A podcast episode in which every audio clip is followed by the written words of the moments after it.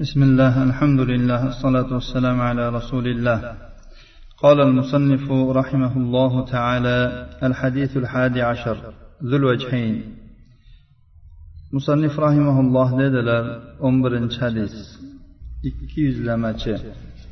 عن ابي هريره رضي الله عنه عن رسول الله صلى الله عليه وسلم قال وتجدون شر الناس ذا الوجهين الذي يأتي هؤلاء بوجه ويأتي هؤلاء بوجه abu hurayra roziyallohu anhudan rivoyat qilingan hadisda nabiy sollallohu alayhi vasallam dedilar rasululloh sollallohu alayhi vasallam dedilar sizlar odamlarning eng yomoni ikki yuzlamachilar ekanligini topasizlar u ularga bir yuz bilan boradi bularga ham bir yuz bilan boradi. Hadisni imom buxoriy va muslim rivoyat qilganlar. Ushbu hadis munofiqlarning ba'zi sifatlariga ishora qilmoqda. Munofiqlik harakati islomiy da'vat yo'liqqan harakatlarning eng xatarlisi bo'lgan va bo'lib kelmoqda. Har bir zamon va makonda. Shuning uchun ham qur'oni karim munofiqlarning axloqlariga ularning yolg'onlariga va ularning qilmishlariga juda ham qattiq hamla qildi. Ularning qalblaridagi musulmonlarga nisbatan bo'lgan nafrat hiyla nangranglar va ularning qo'rqoqliklari ularning qalblarining ko'rligi va butun qiladigan ishlari musulmonlar safida bo'linish va nifoq urug'larini sotishga harakat qilishlarini qur'oni karim bayon qilib berdi. Shuning uchun ham rasululloh sollallohu alayhi vasallam ularni odamlarning eng yomoni deb ismladilar.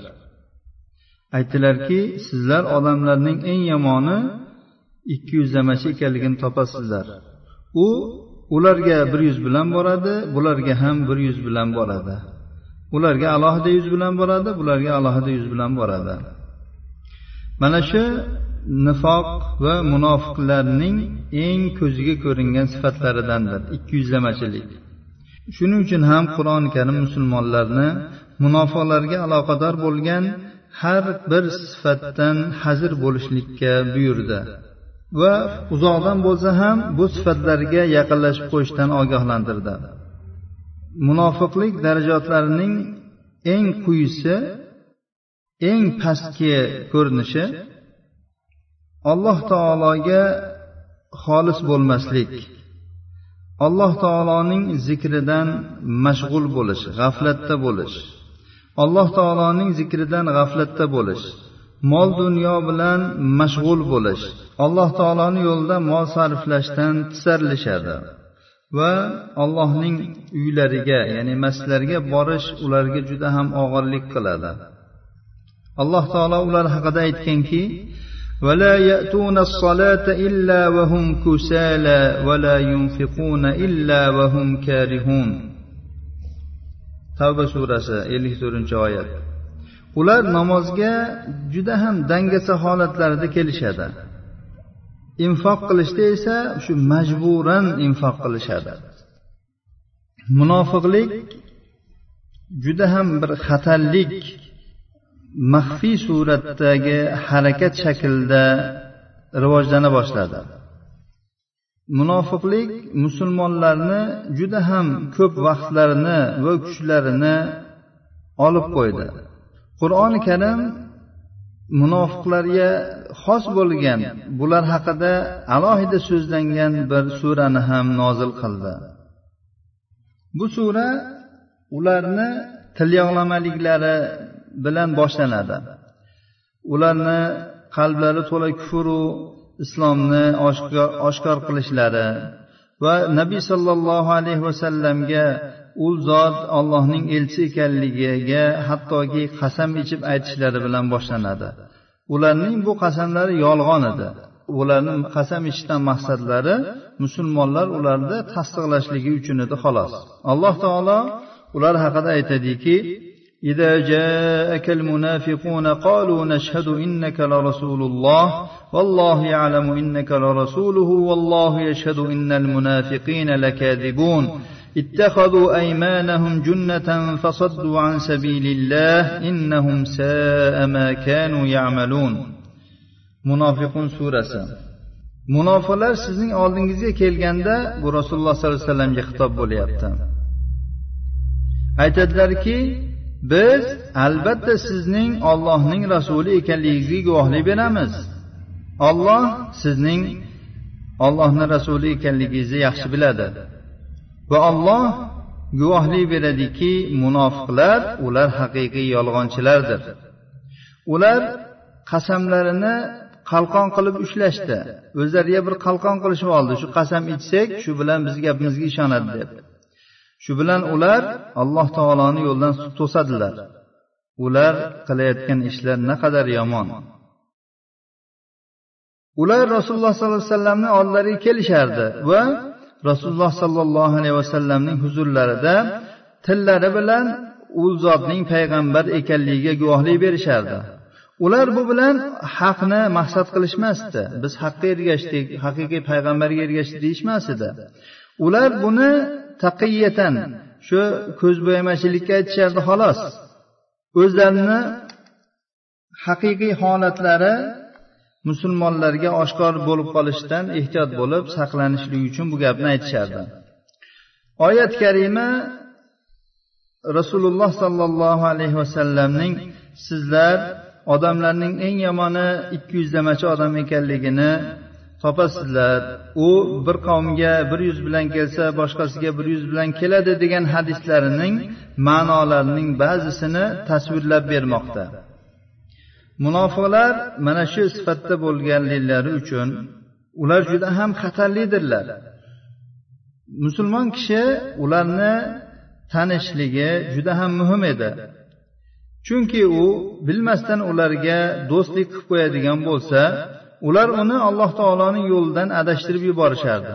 Ularni musulmonlar jasaddan ajratib tashlashardi va u musulmonning dinida va payg'ambarida shubhaga olib borib qo'yishardi shuning uchun ham qur'oni karim ularni bir nechta sifatlar bilan sifatladi alloh taolo aytadiki ولو نشاء لأريناكهم فلعرفتهم بسيماهم ولتعرفنهم في لحن القول والله يعلم أعمالكم alloh taolo payg'ambarimiz muhammad sollallohu alayhi vasallamga xitob agar biz xohlaydigan bo'lsak biz sizga ularni ko'rsatib qo'yamiz. Siz ularni shu ba'zi bir alomatlari bilan tanib olasiz. Siz ularni gap so'zlaridan ham bilib olasiz. Alloh subhanahu va taolo sizlarning ham ularning ham qilayotgan amallarini yaxshi biladi. Hammaning qilgan amaliga yarasha jazo mukofotini beradi. Munofiqlarning so'zlari va qilmishlari bizga ularning kim ekanligini belgilab beradi. Alloh subhanahu va taolo ularni so'zlarini va ularni alohida o'zlariga xos belgilarini qur'oni karimning bir necha joylarida bizga bayon qilib berdi. Alloh taolo aytganki وإذا رأيتهم تعجبك أجسامهم وإن يقولوا تسمع لقولهم كأنهم خشب مسندة يحسبون كل صيحة عليهم هم العدو فاهذرهم قاتلهم الله أن يؤفكون.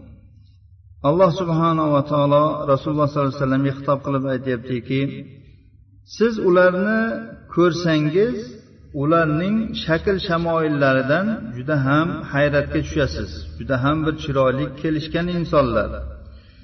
Agar gapiradigan bo'lsalar ularning gaplari ham bir ajoyib fasohatlik biroq ularda ruh va iymon bo'lmaganligi uchun ular xuddi devorga suyab qo'yilgan yog'ochlar kabidirlar.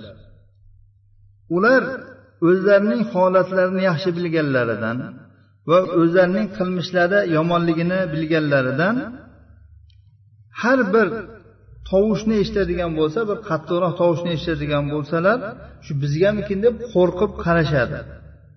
Ular haqiqiy dushmandirlar. Siz ulardan hazir bo'ling ehtiyot bo'ling. Alloh taolo ularni halok qilsin. Ularga haq kelgandan keyin qanday ham ular o'zlarining qilayotgan nifoqlariga va zalolatlariga burilib ketarkanlar ular ko'ringanda bir ajablanadigan jismlar sohiblari shunday bir gavdali insonlar. Ularning gaplari juda ham ajoyib. Ko'rgan odam ularni ko'rib hayron bo'ladi. Ammo ular gapirgan paytlarida ularning gaplari puch bo'ladi puch gaplar bo'ladi. Hech bir foydasiz gaplar bo'ladi ularning gaplari. Shuning uchun ham alloh taolo aytdiki ya'ni ularni gapi siz gaplarini eshitasiz ular go'yoki bir devorlarga suyab qo'yilgan bir yog'ochlar kabidirlar. Ya'ni ularning gaplarida hech qanday bir ruh yo'q iymon yo'q ixlos yo'q. Qur'oni karim ularni mana shunday ta'sirli bir suratda tasvirlab beryaptiki bundan maqsad mo'min kishi ularning xufyona qilayotgan harakatlariga va qilmishlariga ogoh bo'lsin. Ular mana shu maxfiy qilayotgan harakatlari bilan olloh va rasuli va hamda musulmonlar uchun eng birinchi dushmandirlar. Alloh taolo aytdiki humul adu fahdarhum ular haqiqiy dushmandirlar ulardan ehtiyot bo'ling hazir bo'ling. Mana shular haqiqiy dushmandirlar bu dushman musulmonlar lageri ichidagi muaskaridagi musulmonlar safida yashirinib olgan dushmandir. Bu tashqaridagi ochiq dushmandan ko'ra xatarliroqdir. Yana ham yomonroqdir ulardan ogoh bo'ling boshqa bir oyat aytyaptiki وإذا قيل لهم لا تفسدوا في الأرض قالوا إنما نحن مصلحون ularga yerda buzg'unchilik qilmanglar deb aytiladigan bo'lsa ular balki bizlar muslihlarmiz ya'ni tuzatuvchilarmiz buzg'unchilik qilmayapmiz biz deyishadi ular o'zlarini shunday deb davo qilishadi Darsimizni shu yerda to'xtatib turamiz. Qolganini kelgusi darsda davom ettiramiz inshaalloh